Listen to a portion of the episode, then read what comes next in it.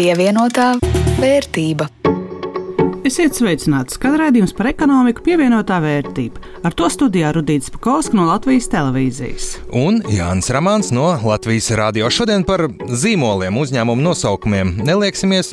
Mūs iedvesmoja pasažieru vilciena jaunā preču zīme, Vivī, par kuru viedokļu un joku netrūkst, bet pievienojot tam visam kādu gramu vērtības, šodien runāsim par to, kāpēc labi zinām uzņēmumi maina savu nosaukumu, savu izskatu, noformējumu, kādas grūtības tas rada un kāds no tā galu galā uzņēmumam ieguvums. Un, protams, turpināsim mūsu iesāktās naudas uzkrāšanas un ieguldīšanas gudrības. Ja iepriekšējos raidījumos vairāk runājām par to, kā naudu iekrāt, tad šodien jau par to, kur to likt, kā ieguldīt, lai tā vairotu pati sevi. Bet vispirms par svarīgāko šonadēļ.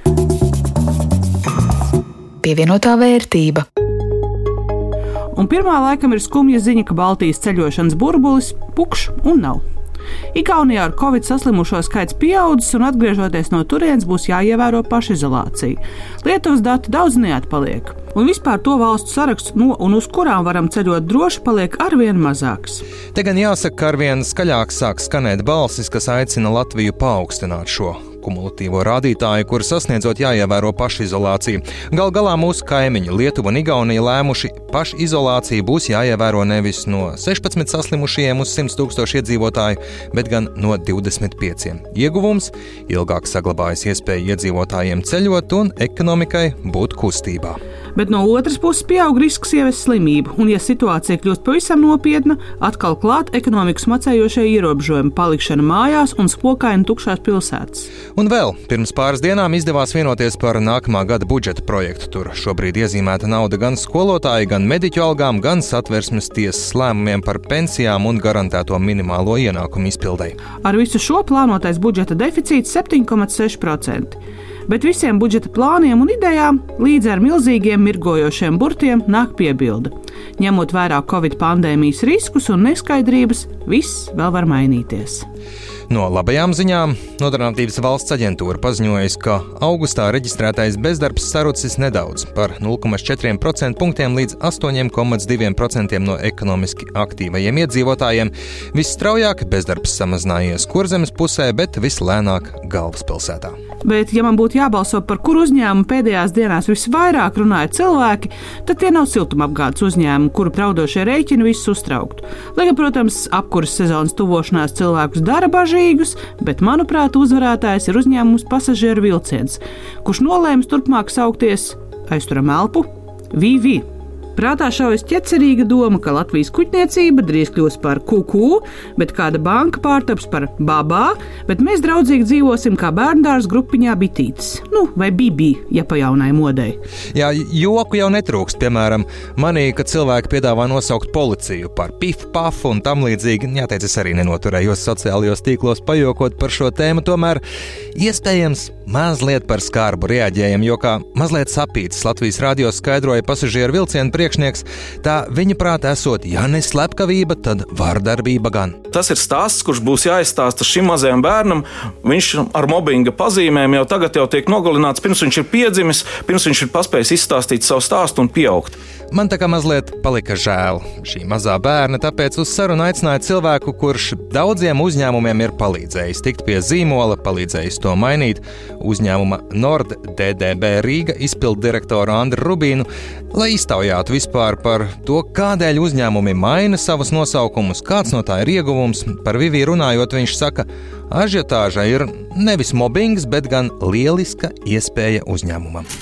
Jā, ja par atskaites punktu ņem, kad eh, komunikācija vai uzņēmuma kaut kādu projektu un aktivitāti piefiksē, pamana un cilvēki iesaistās, tad pilnīgi noteikti šo varētu jau saukt par veiksmes stāstu. Jo, manuprāt, ja vien uzņēmuma vadībā ir pietiekami, kā lai saka, bieza āda un arī laba humora izjūta, es domāju, ka šī, šo noteikti nevajadzētu likt pie tādiem uh, gadījumiem, uh, kuru dēļ ir jāķer milzīgi kreņķi. Bet, ja paiem no šī konkrētā gadījuma un runājam par zīmolu maiņu, Kāpēc vispār uzņēmumi to dara un, mm. un kāds no tā ir labums? Un vai vienmēr no tā ir labums? Jā, zīmolus rada vai zīmolus attīsta vai pielāgo jaunām situācijām, tad uzņēmums skar pārmaiņas. Visbiežāk vainu ir tiešām jauna produkta pakalpojuma ieviešana, kas varbūt pietiekami radikāli atšķirās no tā, kas līdz šim piedāvāts.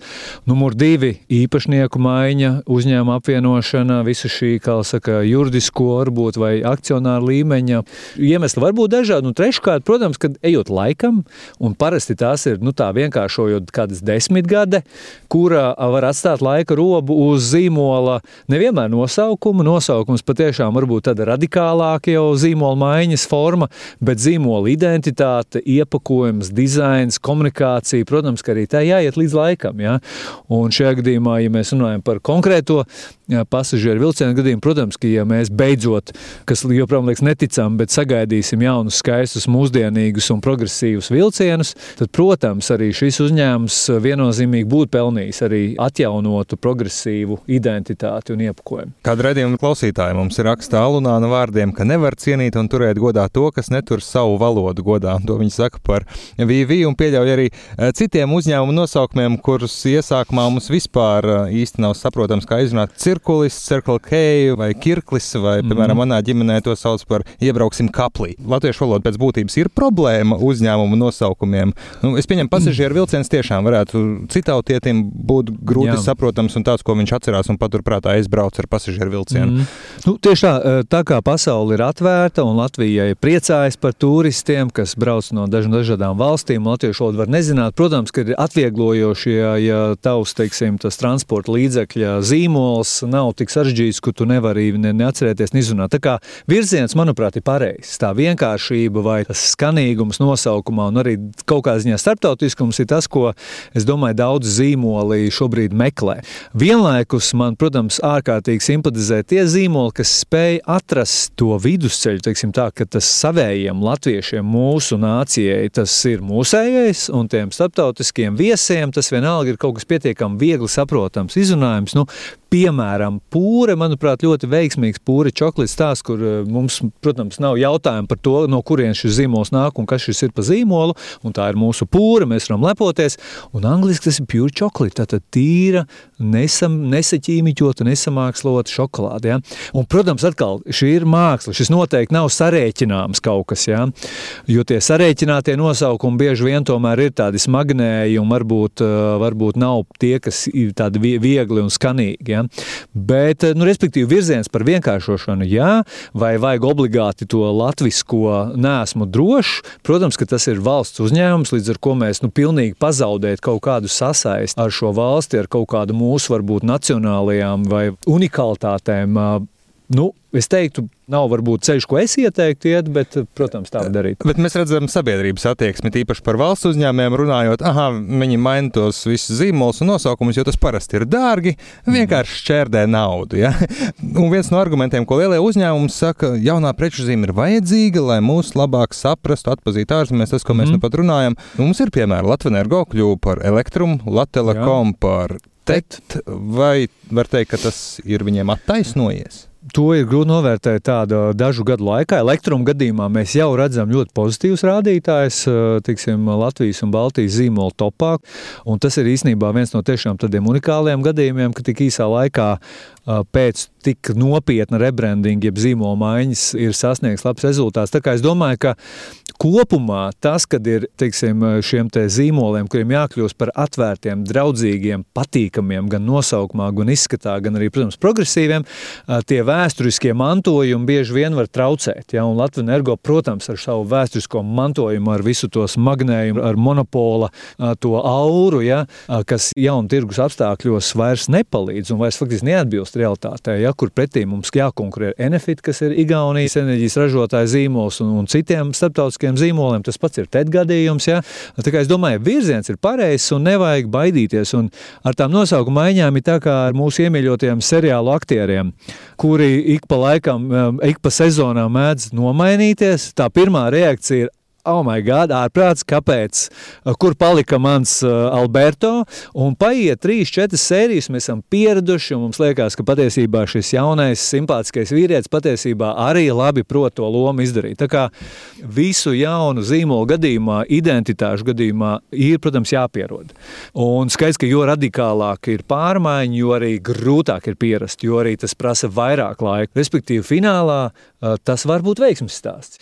Tā Norda DDB Rīga izpildirektors, ar kuru sarunas beigās vēl pazobojāmies, ka iespējams pēc gadiem 10, 20 bērni ieraugot vilcienu nevis teiks tutu vai čukčuk, bet gan vīvī. Nu, var jau būt.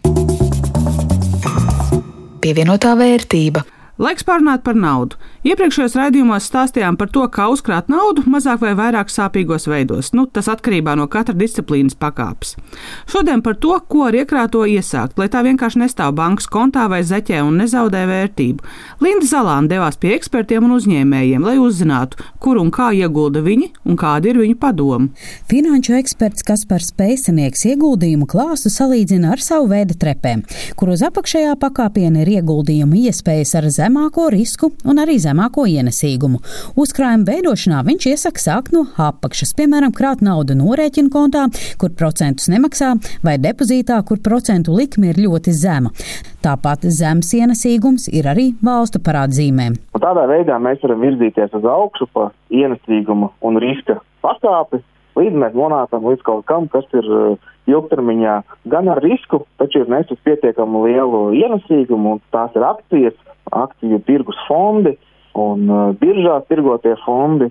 Un tur tā galvenā būtība ir tāda, ka nopērkot akciju, mēs kļūstam par līdziepašniekiem kādam biznesam. Un kā mēs zinām, visi biznesi saistās ar savu veidu risku. Uh, pirms biznesa nodibināšanas vai biznesā esot, ir ļoti grūti paredzēt, kāda būs peļņas apmērs uh, katrā konkrētajā gadā, taču ilgtermiņā parasti tomēr ienesīgums ir pozitīvs. Golina Rīga valdes priekšsēdētājs Ārnes Verdzemnieks atklāja, ka ieguldījumos sadala risku. Viņš iegulda naudu trešajā pensiju līmenī un uzkrājošajā apdrošināšanā, kā arī investē Baltijā un citviet pasaulē bāzēto uzņēmumu akcijās. Tādos kā Apple un eh, Facebook, Amazon un McDonald's un Coca-Cola. Skatos arī pēc dažādām nozarēm, un kur atkal, tad, protams, ieguldot ir jāskatās, kāpēc tu ieguldi un kāds ir tas mērķis, vai tas ir īstermiņa, ilgtermiņa.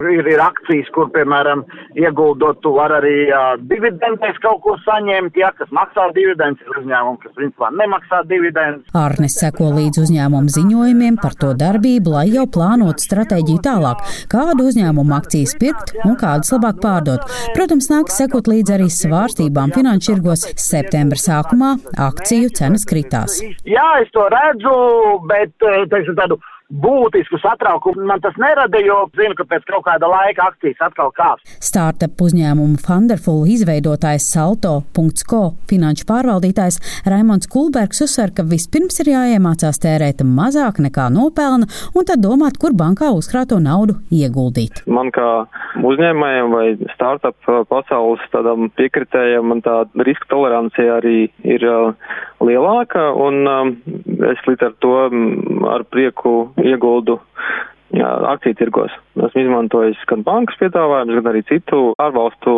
rīkus, bet es ieguldu ar mērķi ilgtermiņā, nevis skatoties, kā akcijas staigā no nedēļas uz nedēļu, mēnešu uz mēnešu, rēķināties, ka pēc pieciem gadiem varētu būt vērtība pieaugusi. Invila pensiju fonda valdes priekšsēdētājs Andrēs Martīnos atzīst, ka ieguldīšana akciju tirgū prasa pacietību, zinām devu zināšanas, spēju nesatraukties par īstermiņa akciju cenu svārstībām, jo vilkme un jaudu nodrošina tieši ilgtermiņa investēšana. Un tādos brīžos ir jāturpina investēt. To grūti darīt arī man no savas, kaut gan man jau tur vairāk kā 20 gadu pieredze akciju tirgos, bet arī man grūti to darīt. Es to daru, bet emocionāli to grūti darīt, jo tu redzi, ka ieinvestēt naudu, viņi vēl drusku pakritas. Nu, tu izlaicīgi cieši zaudējumus arī no tiem eiro, ko tu šodien ieinvestē. Ja?